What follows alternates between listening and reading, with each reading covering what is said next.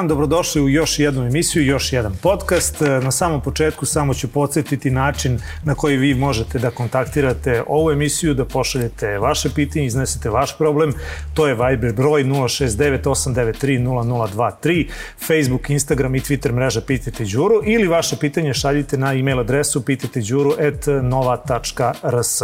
A možda pitanje e, iznad svih pitanja ovih dana jeste hoćemo li potrošačku korpu imati sa čim da punimo s obzirom da e, cene, ono što svi možemo da vidimo, svi mi koji nabavljamo e, sve potrebštine, da maltene ne postoji ništa na rafovima što nije poskupilo unazad godinu dana, a možda i više, a pogotovo e, poslednjih nekoliko nedelja. Neki tu situaciju dovode u vezu sa situacijom u Ukrajini, to je stratom u Ukrajini. Da li to baš ima veze sa onim što mi imamo na rafovima naših prodavnica? Pitaćemo Ivanu Pavlović, urednicu Nove ekonomije. Dobar dan Ivana, dobrodošli. Dobar dan, bolje vas našli. Pa evo, upravo sa tim i da krenemo. Dakle, očigledno je Ukrajina tema koja preklapa sve teme, a onda se e, ta situacija u Ukrajini preliva i na sve pore našeg života. Pa da li i na koji način e, situacija u Ukrajini utiče na, na, na cene e, svega onoga što, što imamo od energenata do hleba, brašna i svega što kupujemo u prodavnicama? Naravno utiče, iako deluje da je Ukrajina daleko, to je i fizički, a i u ovom cenovnom tržišnom smislu u stvari jako blizu tržište. E, sama činjenica da imate negde neki sukob, videli smo je vrlo nepovoljno uticala u onim prvim danima, nastala jedna vrsta panike. Uh, potresi u bankarskom sistemu, odnosno sankcije prema ruskim bankama zatresle su tržište u regionu i mislim da je stvari puka sreća da je Sberbank još prošle godine u Srbiji kupila MK grupa. Inače bismo i mi u Srbiji gledali ono što se dešavalo u Hrvatskoj, Bosni i Sloveniji, da ste imali jedan stampedo klijenata na bankomate, samo što ovde, znajući da postoji jedno i ne tako daleko sećanje ljudi na, na, na slične scenarije, to bi verovatno bilo dosta neprijatno, ali kažem, puka je sreća da je u stvari ta transakcija preuzimanja završena mnogo ranije, da je u stvari ta banka verovatno i faktički i formalno u stvari u rukama MK grupe. Ovaj uticaj rata u Ukrajini najpre vidimo na tržištu energenata, energenti su osnova svega. Kako to, na primer, deluje? Evo već juče je došlo do smjerivanja cene nafte i energenata i u stvari presudnja je činjenica da li će zemlje Zapadne Evrope, odnosno jedna zemlja, glavno Nemačka, nastaviti da kupuje rusku naftu i gas zato što su ova zemlja je glavni kupac ruskih energenata. Ako Nemačka nastavi dalje da kupuje ruski gaz, bez kojeg očigledno ne može, kao ni Srbija i mnoge druge zemlje, to tržištu šalje poruku da će se to tržište i cene stabilizovati. Ako bude novih energetskih sankcija, to se bez namere da širimo bilo kakvu vrstu panike, to se naravno neće dobro odraziti na tržište i cene energenata, a pošto svi vozimo na, na traktore i automobile na, na gas, na benzin, dizel ili već šta, to će se naravno preliti i u na naše novčanike, a i na tanjire, odnosno cene hrane koje su već prilično podivljale u odnosu na prošlu godinu, će nastaviti dodatno da rastu. Šta naša država čini povodom toga? Pošto smo mi u prethodnih, evo kako taj, traje ta kriza u Ukrajini, mi smo dobijali maltene jedan dan ovakvu informaciju, pa onda sutradan drugu informaciju, onda je treći dan ta potrla sve ove prethodne informacije i prosto jedan ne dobijamo jasan signal, ovo se možda može porediti i sa onom situacijom kada je došla korona, da su mi imali kontradiktorne informacije iz dana u dan. Dakle, šta država Srbije, da li uopšte bila spremna za ovakav jedan scenarij? kao i većina drugih zemalja, pa i ova napadnuta Ukrajina, naravno malo ko je verovatno ili makar ne javno očekivao da će izbiti pravi rat u, u komšiluku. E, država Srbije nije prvi put daje kontradiktorne signale i tržištu i potrošačima iz dana u dana, što stvara jednu šizofrenu situaciju, što zbunjuje ljude, povećava nervozu i što vam se preslikava na kraju rafove na, u prodavnicama. Juče, recimo, ja sam bila u Maxi, vidite da nema brašna. Ima ulja, imate možda neke druge stvari koje vam trebaju, slatkiši, šećer i tako dalje, ali recimo nemate brašna. I to vam govori, to vam je indikator da nešto nije u redu na tržištu, odnosno da je eventualno neka politika i odluka vlade Srbije je signalizirala određenoj grupi potrošača da bi trebalo da kupuje brašno. E sada, E, nije nužno reč o našim komšijama, sugrađanima koji su se uplašili da neće biti hrane pa su kupili 5 kila brašna, već je u stvari reč o trgovcima, o vlasnicima pekara kojima je sad verovatno jeftinije da kupe brašno uh, u Maksiju, nego da na neki drugi način nabavljaju brašno. Vlada Srbije, slično nekim zemljama u regionu, uvela nekoliko mera. Ovo zabrana rasta cena osnovnih prehrambenih e, namirnica, među kojima i brašno, ulje, šećer je zamrznuta. To e, kao što smo videli, nije dobro jer izaziva neku, jednu vrstu zlojeđenosti kod ljudi koji trguju recimo pšenicom. Dakle, kad vi zabranite nekome sad da izvozi pšenicu i brašno, ti ljudi, ti proizvođači se bune zato što Srbija ima veliku proizvodnju ovih žitarica, šta god mi mislili o tome, dakle imamo i neki izvoz, tačno i da uvozimo, ali to je procentualno mali iznos u odnosu na, na izvoz. Evo videli te sad, sad ćemo ipak izvesti u Albaniju, zato što Albanija nema Upravo dovoljno to, žitarica. Da vas pitam, dakle, tako očigledno javno mnjenje kreira tako i tu je. ekonomsku politiku. Tako je, dakle, pošto je sada pred, pred izborima smo i e, ljudima je, očigledno šalje se, prvo se šalje poruka ne brinite sve pod kontrolom, međutim to izaziva potpuno suprotni efekat, ljudi se uplaše zato što niko neće otići na Zavod za statistiku da proveri koliko mi brašna izvozimo i da li mi u stvari imamo dovoljnu proizvodnju brašna za domaće potrebe, a imamo, dakle u tom smislu nećemo crći od gladi, makar u nekom kratkom roku, a onda zabraniti izvoz žitarica, a onda sutradan kad Edi Rama kaže ali mi smo se dogovorili u okviru ove inicijative Otvoreni Balkan, onda predsednik kaže aha ipak ćemo, dakle za neke je zabranjeno, a za neke očigledno dozvoljeno što vam opet unosi neku vrstu diskriminacije na tržištu zato što je sada žitarice su skuplji, to bi eventualno omogućilo uh, seljacima, paorima, pa i onima koji izvoze žitarice, verovatno to je jedna prilika da nešto i zarade, ali evo to je sada, to je ograničeno. Uh, kažu nekom rat, nekom brat. Ima li ovde zloupotrebe od strane svih koji učestvuju u tom lancu od proizvodnje pa do krajnjeg, krajnjeg potrošača? Ko se ovde već sada okoristio ili ko bi mogao da se okoristi? Pa, Najpre mislim da je politička korist, pošto smo mi u predizbornoj kampanji i ovakva ta vrsta politike, malo panika, pa ne brinite, imamo spasioca koji će ipak dati brašno, ne brinite, bit će ulja, to direktno odgovara uh, glavnom i dominantnom političkom igraču. Znači, to je jedna konstantna kampanja uh, slanje poruke ugroženi ste, ne brinite, spaseni ste, to se menja uh, neizmenično.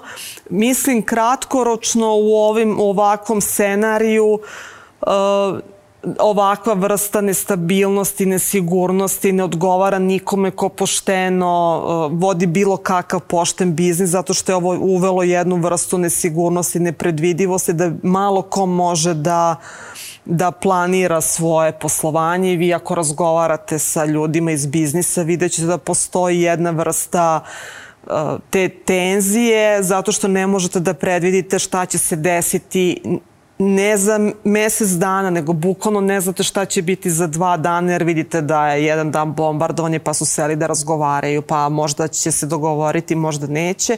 I sama Narodna banka Srbije, ako pogledate izveštaje, što je da kažem, neobično za tu instituciju, ali ipak priznaje da e, kretanje inflacije do kraja godine zaista zavisi od toga koliko će dugo trajati rat u Ukrajini. Dakle, čak i takva institucija koja ima taj politički rep i guvernerka je blisko povezana sa Srpskom naprednom strankom i, i po, povremeno istupa kao promoter te politike, iako ne bi trebalo u svojim izveštajima priznaje da e, cenovna stabilnost u Srbiji, kao i svuda u svetu na kraju, zavisi od, od toga da li će se dogovoriti Kijev i Moskva.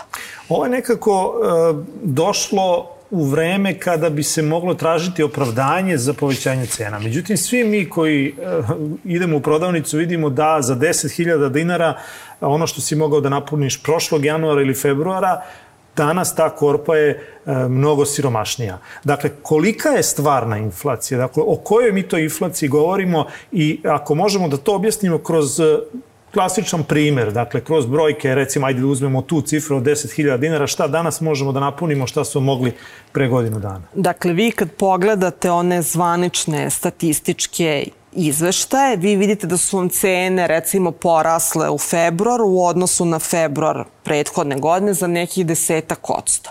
Međutim, kad malo to razložite, to takođe priznaje zvanična statistika, vi vidite recimo da je neprerađena hrana porasla 25%. Dakle, za ono što ste mogli da kupite za 100 dinara, pre godinu dana, sada ne možete da kupite to celo, nego recimo tri četvrtine. Ako ste mogli da kupite 100 grama šunke, sad ne može 100, kupit ćete 75 grama. Dakle, tri sendviča manje ne znam što sam rekla, sandvič, ali da, dobro. Ista je e, dakle, asocijacija. Tro, da, eto, znači bit će manje za, za sandvič. Međutim, osim te inflacije, da kažemo, opšte. Postoji nešto što je lična inflacija. Dakle, vi imate vašu inflaciju, ja imam moju inflaciju. I moja inflacija zavisi od uh, mojih primanja i primanja mojih ukućana. Dakle, od uh, platežne moći moje i mog supruga koji činimo jedno domaćinstvo, u vašem slučaju vas, vaša supruga, baka, deka, ako imate u kući neke penzionere. I sad šta se dešava? Ljudi koji su siromašni, inače, koji, čije domaćinstva imaju manje primanja kad se saberu njihove plate, e, penzije, eventualno neka socijalna pomoć, deči dodatak, takva domaćinstva inače troše više na hranu. A pošto je hrana nad, daleko više poskupela nego recimo e, farmerke ili patike za fizičko, tim ljudima je inflacija daleko veća. Dakle, duplo. Ako je ova inflacija 10%, inflacija tim ljudima iznosi 20%. Dakle, njihov, njima je inflacija pojela daleko više. Kod e, porodica i pojedinaca koji su bogati imaju veća primanja, oni taj porast cena hrane manje osjećaju zato što u strukturi njihove potrošnje više učestvuju neke druge aktivnosti kao što je recimo teretana, fiskultura, letovanje i tako dalje. Znači oni će I, više da jedu, onda će pa, sugoje pa će... Ne, on... upravo obrnuto. Takvi ljudi eventualno, uh, pošto je drugačija i kultura, eventualno pošto se više bave sportom, sportom. vode računa o ishrani, ne kupuju inače hleb, prerađenu hranu i tako dalje, nego možda jedu nešto drugu, neku drugu vrstu hrane, na njih će ovaj porast cena brašna, ulja i ono, ono što vidimo na, na policama drugačije će se odraziti. I vi ste imali sad recimo to e, što vlast naglašava što je u redu, imali ste ovo povećanje plata i penzije. Plate su u ovoj godini treba da porastu 7%, penzije 5,5%. I prosta matematika vam kaže da je inflacija to apsolutno pojela. Dakle, penzioneri apsolutno neće osetiti ovo, to povećanje neće nika, ni na koji način osetiti zato što je rast cena daleko veći nego, nego ovo povećanje. A da li je tačno ta informacija koju mi dobijamo da e, neki od evropskih instituta koji prate cene kažu da je inflacija u Srbiji, to je da je rast cena u Srbiji najveći u čitavoj Evropi? Iskreno nisam uh, proveravala, ali uh, inflacije svuda, inflacije i u, i u celom svetu, dakle to je na neki način lakšavajuća okolnost, pošto smo mi ovu inflaciju malo i uvezli, malo smo i doprinali, ali verovatno minimalno sa ovom uh, državnom pomoći koja je deljena, 100 evra pa 20.000 penzionerima, dakle upumpan je neki novac u sistem i to takođe malo podiže inflaciju, ali ova inflacija se prenela i prelila kod nas iz sveta. I jeste najveća inflacija i u Americi i u Evropi u poslednjih 30-40 godina. Dakle, novu našu inflaciju uh, osim ovih naših prilika utiču ovi globalni tokovi, onda uh, jako poskupljenje uh, poskupljenje struje za koje smo takođe malo krivi zato što smo uništili domaću uh, proizvodnju i nemamo domaću struju, već moramo struju i da uvozimo, na što smo potrošili pola milijarde evra. Onda je poskupele su jako komponente za veštačka džubriva, to je poraslo 3-4 puta i zato je prema neki, a tek treba da poskupi struja od juna, Dakle, verovatno ovo, ovo što sada vidimo verovatno, verovatno nije najgore što smo videli i eventualno taj, u zavisnosti od poljoprivredne sezone koja nas tek očekuje, dakle to malo gledati u nebo, grad kiša i tako dalje. Ova novo to poskupljenje struje ćemo verovatno tek osetiti, plus imate ovo kretanje cene energenata koje se usklađuje svake nedelje i koje apsolutno zavisi od dešavanja od Ukrajini i Rusiji. Da se e, stavi po strani dešavanje e, u Ukrajini, uh -huh ako se samo osvrnemo na dešavanje u poslednjih godinu dana, dakle Srbija po nekim istraživanjima ima nalazišta uglja među najvećim u Evropi. S obzirom na broj stanovnika, na, na površinu, kažu da, da toga zaista ima u Srbiji. Dakle, ako imamo tu informaciju ako imamo informaciju da su mi pravoshodno poljoprivredna zemlja, ili bi to trebalo da budemo. A, kako smo onda došli u ovu situaciju, kažem, još jednom da prenebrignemo to što se dešava u Ukrajini, uh mhm. -huh. nego kako smo došli u tu situaciju da mi uvozimo ugalj. Dakle, mi uvozimo ugalj i mi uvozimo osnovne životne namirnice. To je, ima, mislim, to je jedna sintagma koja se zove partijski kadar i partijsko zapošljavanje. Imali ste Milorada Grčića, nek, nekadašnjeg vlasnika ugostiteljskog objekta koji je bio do skoro na čelu najveće e, kompanije u Srbiji, elektroprivrede Srbije. I pošto ta kompanija nije na vreme radila te nove otkrivke uglja, ugalj, ložio se ugalj loše kvaliteta. Dakle, mi bismo sve jedni kad zanemarimo sve ovo što se dešava u Ukrajini, došli u prilično nezgodnu situaciju, kao što i jesmo, jer smo kupili struju za pola milijarde evra, iako bi potpuno bilo logično da imamo ne samo za nas, nego da imamo i da prodamo drugima i da na taj način ostvarujemo ostvarujemo prihode. Dakle, to preduzeće godinama zanemareno. Imali ste jedan na, na čelu kontinuirano taj politi, e, partijski kadar gde je očigledno e, zanemarano i to ulaganje i profesionalno vođenje tim kopovima i na kraju puka je sreća da se to u stvari ili nesreća da se to nije desilo mnogo ranije, ali eto, očigledno se sad to je nažalost koincidiralo i sve se poklopilo, a posledica po uh, bivšeg direktora i one koji su ih postavili, kao što vidite, nema. Dakle. A, koliko se onda može, ako to sve uzmemo u obzir, koliko se onda može predvideti da će nam računi za struju poskupiti u narednoj grejnoj sezoni?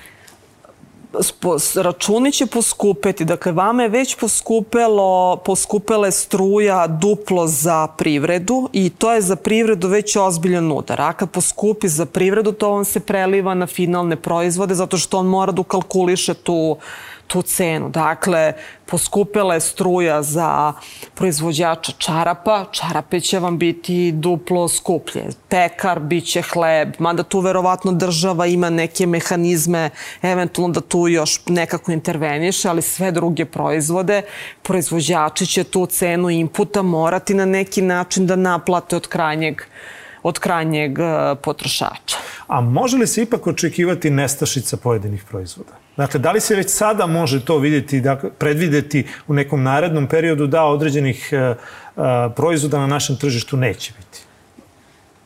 Iskreno, mislim da kako god nam se ova politika predizborna i ove odluke pred izbore činile kao ta, to, je, to su više neke propagandne, uh, populističke aktivnosti da vi zabranjujete, pa malo kao ne, ne zabranjujete kretanje cena. Uh, ja, kako kažem, ne mogu, to je stvarno pitanje za milion dolara, ali ne bih očekivala nestašicu ovih osnovnih. E, one hoće, one će poskupeti, pa je možda pitanje u stvari pre uh, da li će one najsiromašnije kategorije ljudi, socijalni slučajevi, da li će ljudi moći to da kupe, odnosno da još korak nazad vratim, koliko će se povećati siromaštvo, ne samo među najstarijim kategorijama ljudi, nego među decom. Ako vi ne možete, ako vama poskupi još mleko, jabuke, pa i to brašno, ono što inače roditelji kupuju deci, dakle vama, vama naglo raste siromaštvo i onda je u stvari stvari pitanje kako država namerava da pomogne najsiromašnijim kategorijama ljudi da prežive tu ličnu inflaciju koja će očigledno biti prilično visoka. Dakle, ne bojim se nestašica, ali se bojim toga da veliki, za veliki broj ljudi će biti jako teško da premoste, prežive i kupe te osnovne namirnice koje su možda do sad i mogli da kupe. A Kako smo došli, opet ćemo svratiti najvratnije na tu partijsku o, partijsko zapošljavanje i kadrove koji ne znaju da vode određena ministarstva, ali evo, možemo li nabrojati koje to proizvode, po kojim proizvodima je Srbija bila poznata, a uvozi ih. E, često smo slušali da imamo luk iz Kine, da imamo krompir iz Argentine, valjda, i Jabuka da imamo iz meso Poljske. iz Brazila. Dakle, ako smo i čega imali, to, to smo imali svinskog mesa još od Miloša Brenovića pa na ovamo, po tome smo bili tekako poznati. Dakle, yes. kako smo došli u tu situaciju i da li ta situacija može, kogod bio na vlasti, da se preokrene u našu korist, da budemo izvoznici, a ne uvoznici? Naravno, uvek može, ali to sve zavisi od politika koju ova država vodi. Vidite da je tek ove subvencije su date nakon što su se ljudi pobunili, seli su na traktore, izašli su na, na, na ulice.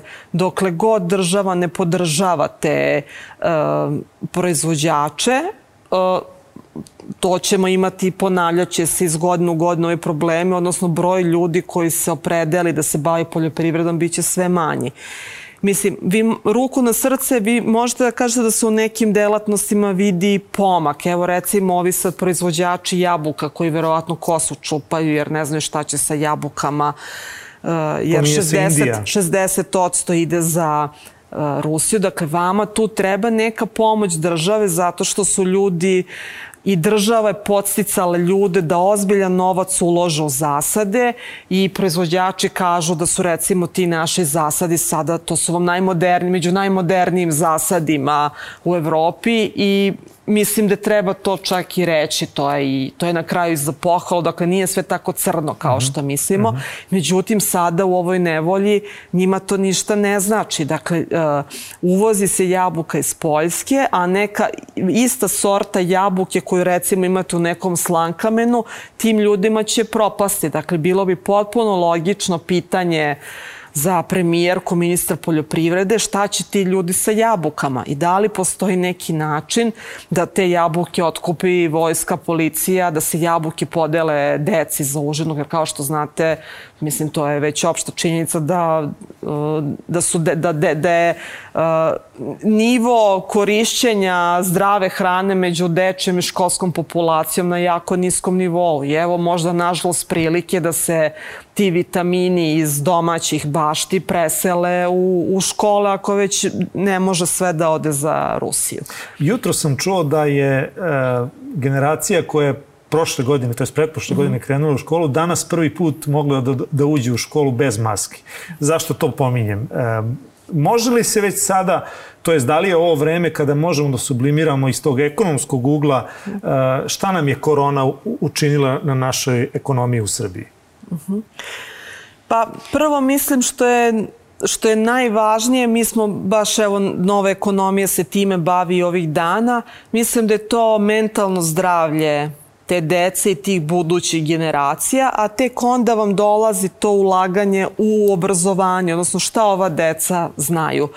Prvo, kad govorimo o tom mentalnom stanju, mislim da imamo ozbiljnih razloga za zabrinuto šta će biti za 3-4 godine, pošto su sad ne samo tinejdžeri, nego i mlađa deca razdražljiva, imaju problema sa spavanjem, nervozna su, razvila se depresija, neki, neki anksiozni poremeće i nisu išli u školu, roditelji su sve nadzirali, poremetili su se odnosi između roditelja i dece, roditelji su sad postali neki goniči robova zato što teraju decu dve godine da uče, pregledaju zadatke, što je jedan potpuno nenormalan odnos koji do sad nije bio, deca su išla u školu i roditelji se nisu bavili time.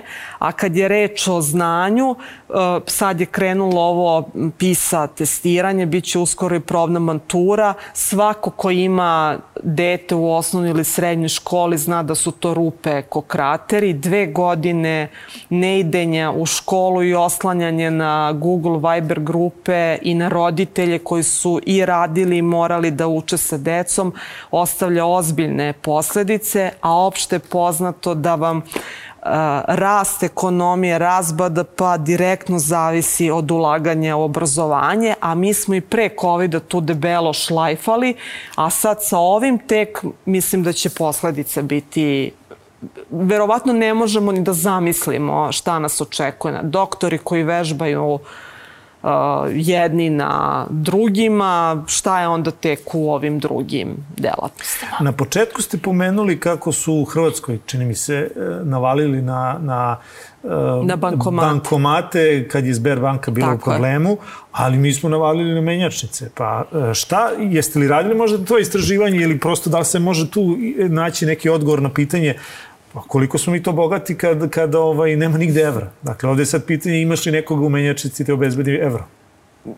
Verovatno ste, ja sam se isto pitala ovaj, otkud ljudima sad i mislim da je to um, jedan deo ljudi možda imao neki keš, mala privreda, imate možda nekih nekoliko hiljada evra, prosto to je 200, 300, 400 hiljada dinara. Uh, ali mislim da je veliki broj ljudi ovih starih generacija krenuo po onoj inerciji da vam ne, propad, ne propadnu dinari, šta god to značilo, jer kurs je stabilan i krenuli su verovatno da traže pretpostavlja manje iznose deviza, ali kad vam odjedno navali nekoliko hiljada ljudi, naravno da nema, da nema deviza, skočile tražnje, oni podižu podižu ovaj kurs i zato smo imali ove probleme. Jer ako, ja pretpostavljam da svi, svi znamo nekoga ko kaže idem da kupim 50 evra, i šta ćeš onda s tim? Pa onda ću, kaže, promeniti 20 kad mi bude trebalo, pre čemu on ozbiljno gubi. Mislim, to delo je na mikronivou kao nekoliko stotina dinara, ali potpuno je nepotrebno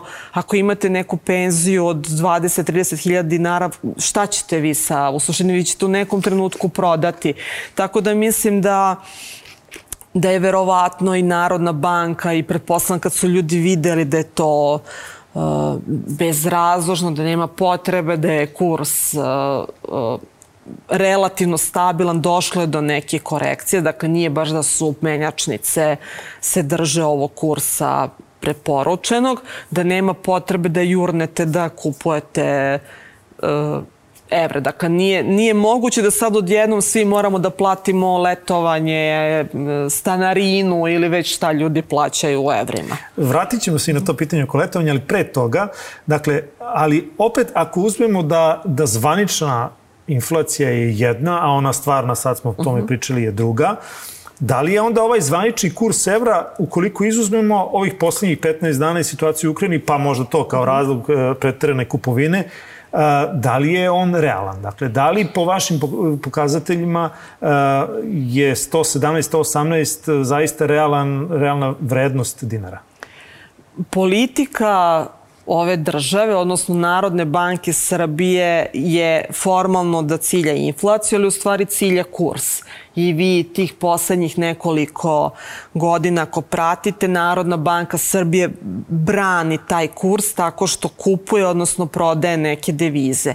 I sada, pošto poslednje godine vi imate jedan ozbiljan priliv stranih investicija i nekog drugog novca, verovatno iz inostranstva, onda naravno da taj kurs, potpuno, kako kažem, on, on je potpuno realno odbranjen. Dakle, iza tog kursa stoji ozbiljan priliv deviza, imate devizne rezerve koje su značajno rasle i, dakle, politika je države da ga drži na 117, sad možemo da pričamo zašto, verovatno zato kad, vi, kad vama raste plata, kad nominalno povećavate platu u dinarima svake godine, onda to predsedniku ostavlja mogućnost da kaže da mu je prosečna plata u evrima 660, 660 evra, da. međutim u dinarima kad gledate, odnosno realni rast, to znači kad korigujete to za tu inflaciju, vama plata raste daleko sporije sporije, pošto mi ne kupujemo u evrima u Srbiji, mi ovde kupujemo u dinarima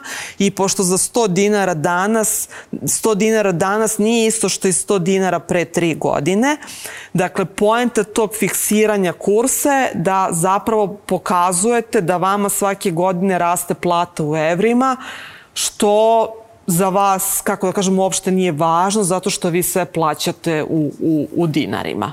Mislim da je sada dosta jasnije kako se maskira zaista realna, realna slika. A deo e, kućne ekonomije i planiranje e, odmora, planiranje letovanja.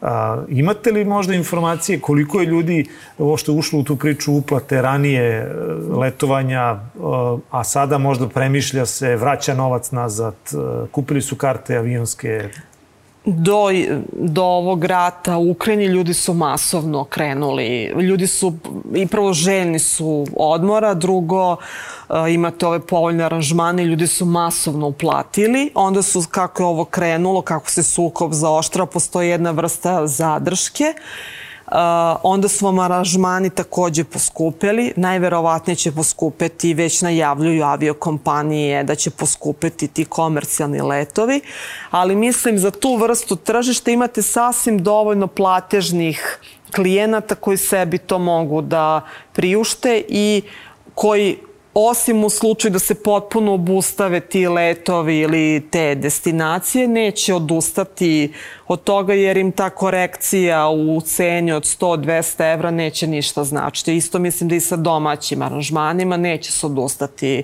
od ekskurzija, od nekih, od onih vouchera koji su koji su podeljeni, tako da i to je u stvari veliko pitanje. Što ovo duže bude trajalo, uz ovu inflaciju verovatno raste i bojazan ljudi da možda treba sačuvati pare i smanjiti, da treba štedeti, a ako se ovo završi, nadamo se sutra, u što to korije vreme, ljudi će moći da verovatno odahnu i da možda to malo relaksiranije planiraju. A, ukoliko neko planira da kupi stan, Evo, to smo pre mhm. nekoliko emisija smo imali i tu temu, ali evo sad se situacija menja s obzirom na, opet, nažalost, se vraćamo na tu krizu. Um, Da li e, reaguju banke što se tiče povećanja kamata na, na stambene kredite i da li je odreagovalo tržište nekretnina? Domaće banke će pratiti politiku Evropske centralne banke. Ne vidimo još taj rast kamata, to, dakle svi čekaju verovatno da vide šta se dešava, nije nikome u interesu da uh, prvo da to ljude odbije, eventualno da se poveća broj nenaplativih uh, kredita. Pre Ukrajine bile su prognoze da će cene nastaviti da rastu jer je već poskupeo građevinski materijal od betona, gvožđa do uh, stiropora i da će te cene u Srbiji koje su već astronomske nastaviti i dalje da rastu. Sada već ima projekcija da recimo za nekoliko meseci, godinu dana treba eventualno očekivati da te cene krenu nadole. Uh, iskreno, to je opet pitanje, pitanje. Pitanje tako je, zato što te cene ne idu baš tako lako naniže. Nisam sigurna da će se eventualno to desiti s obzirom na vrlo intenzivnu građevinsku aktivnost i poreklo tog novca u Srbiji. Dakle, uh, dobar deo građevinske aktivnosti što imate i u zvaničnim izveštajima potiče iz, to je novac sumnjivog um, porekla. porekla, dakle ubacuju se u legalne tokove neke sumnjive pare, dakle ako krene teško baš na tom tržištu, to će se verovatno odraziti i, i ovde. Tako da nisam, verovatno ako i bude nekog pada, neće to možda biti tako tako drastično, ali evo, kažem vam, stvarno je teško dati te, te prognoze sad. E sad, možda ovu prognozu nije teško dati, a to je, kada god pitam ljude na ulici, kada se radi anketa bilo koje vrste, a tiče se a, izbora, uh -huh. a, 3. april je vrlo blizu i ono što možete od ljudi čuti kada povežete 3. april i izbore i cene, to je posle 3. aprila sledi haos. Dakle, da li je to realno i šta je ono što zaista posle 3. aprila, što se sada drži na nekoj nerealnoj osnovi, na toj nekoj stand-by uh, aranžmanu, ako to tako mogu da kažem. Dakle, šta je i da li je to realno posle 3. aprila da možemo očekivati da će ekstremno da skoči? Cena struje za stanovništvo sigurno, to je i vlast rekla. Dakle, pošto imamo uh, to drže za privredu je već poskupilo, za stanovništvo drže do izbora i do 1. juna, a posle možemo i moramo da očekujemo korekciju. Ako samo malo ukrstite ne, neke činjenici svakodnevnog života, evo svako malo se ljudi žale da im je recimo račun za struju porastao značajno ili u zgradi za ono stepenišno svetlo ili, ili u nekoj vikendici u koju nikad nisu ulazili pa sad je to odjednom po 10 puta više i sad to delo je kao aha dobro bilo je 100 dinara sad je 500 pa dobro preživeću ali tako na 4 miliona računa mm -hmm. dakle mora na neki način da se plati ovaj uvoz od 500 miliona. Ivana, hvala puno na izdvojenom vremenu Molim. i na, na odgovorima na ova pitanja, a mi ćemo se baviti nekim e, drugim temama sledećeg e, podcasta. Moj današnji gost, gošća je Ivana Pavlović, e, urednica Nove ekonomije. Broj telefona otvoren za vaše pitanja, Viber broj 069 893 0023. Pišite na Facebook, Instagram i Twitter mrežu Pitite Đuru ili vaša pitanja šaljite sa što više informacije, tako je lakše doći do odgovora na e-mail adresu pititeđuru.nova.rs. Thank you.